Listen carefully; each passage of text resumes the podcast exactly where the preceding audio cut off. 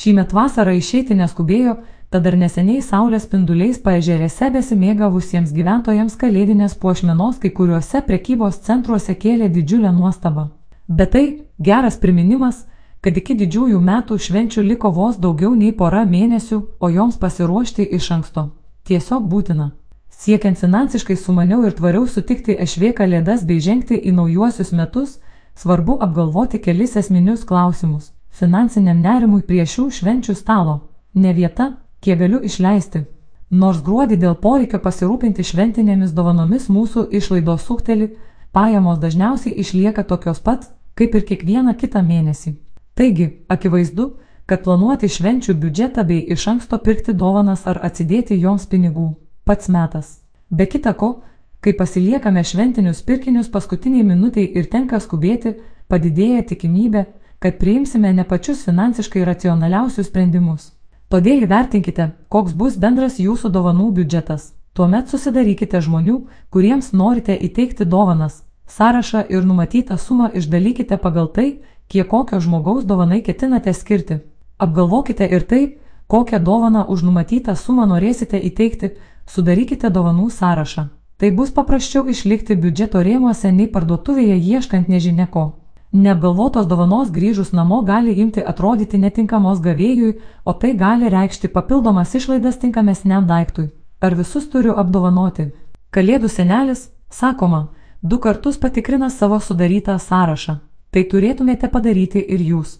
Jokių būdų nesakau, kad kažkas iš jūsų artimųjų šįmet buvo negeras, bet esama ir finansiškai sumanesnių būdų dovanoti dovanas.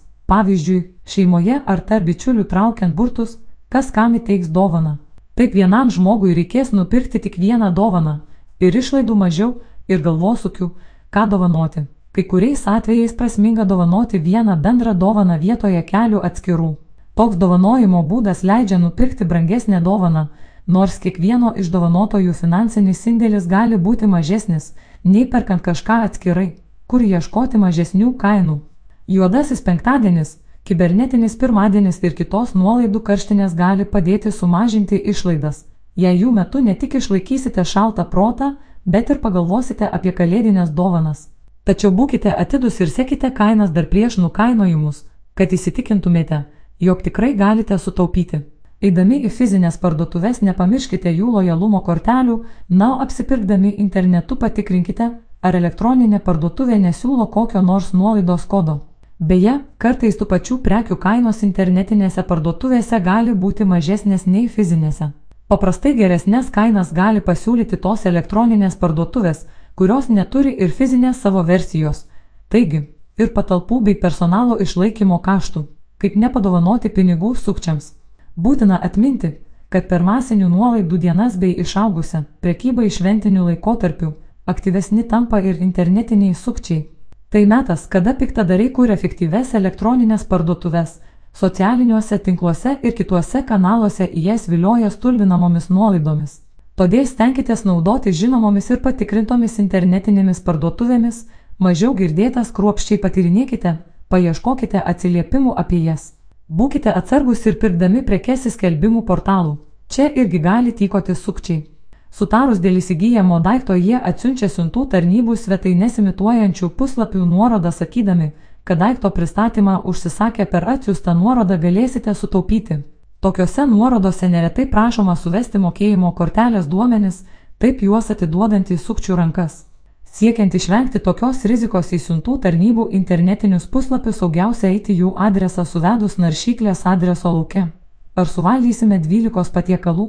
Skaičiuojama, kad vienam Lietuvos gyventojui atitenka netgi 86 kg namuose išvaistyto maisto per metus. Maisto švaistimo mastas markiai išauga būtent per didžiasias metų šventes.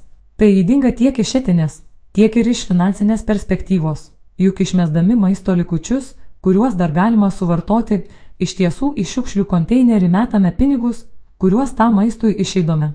Taigi, planuodami švenčių stalo išlaidas įvertinkite, kiek maisto tikrai suvalgysite su šeima ar bičiuliais.